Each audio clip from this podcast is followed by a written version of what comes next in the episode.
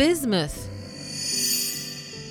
عرف عنصر البيزموث منذ القرن الخامس عشر إلا أنه كان يخلط بينه وبين عناصر أخرى منها الرصاص إذ إن البيزموث مكون طبيعي للعديد من المعادن وعادة يتم الحصول عليه كمنتج ثانوي في خامات الرصاص والنحاس والقصدير والفضة والذهب.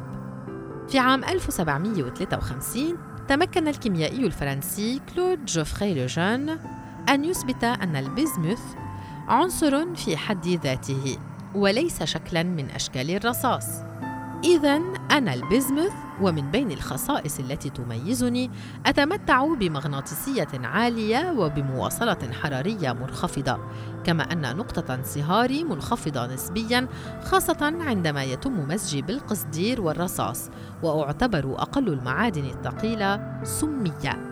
عادة ما أتواجد في الصخور الحرارية المائية وصخور البيغماتايت.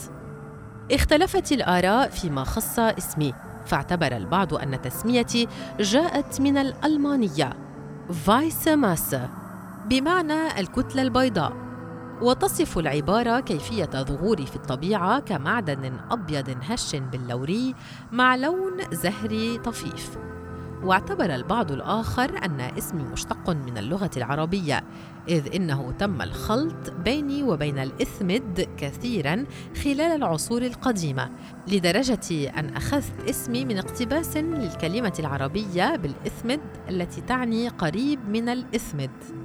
لدي مجموعة متنوعة من الاستخدامات الصناعية منها الصمامات وأصباغ الزجاج والغدار والسبائك وطفايات الحرائق والذخيرة.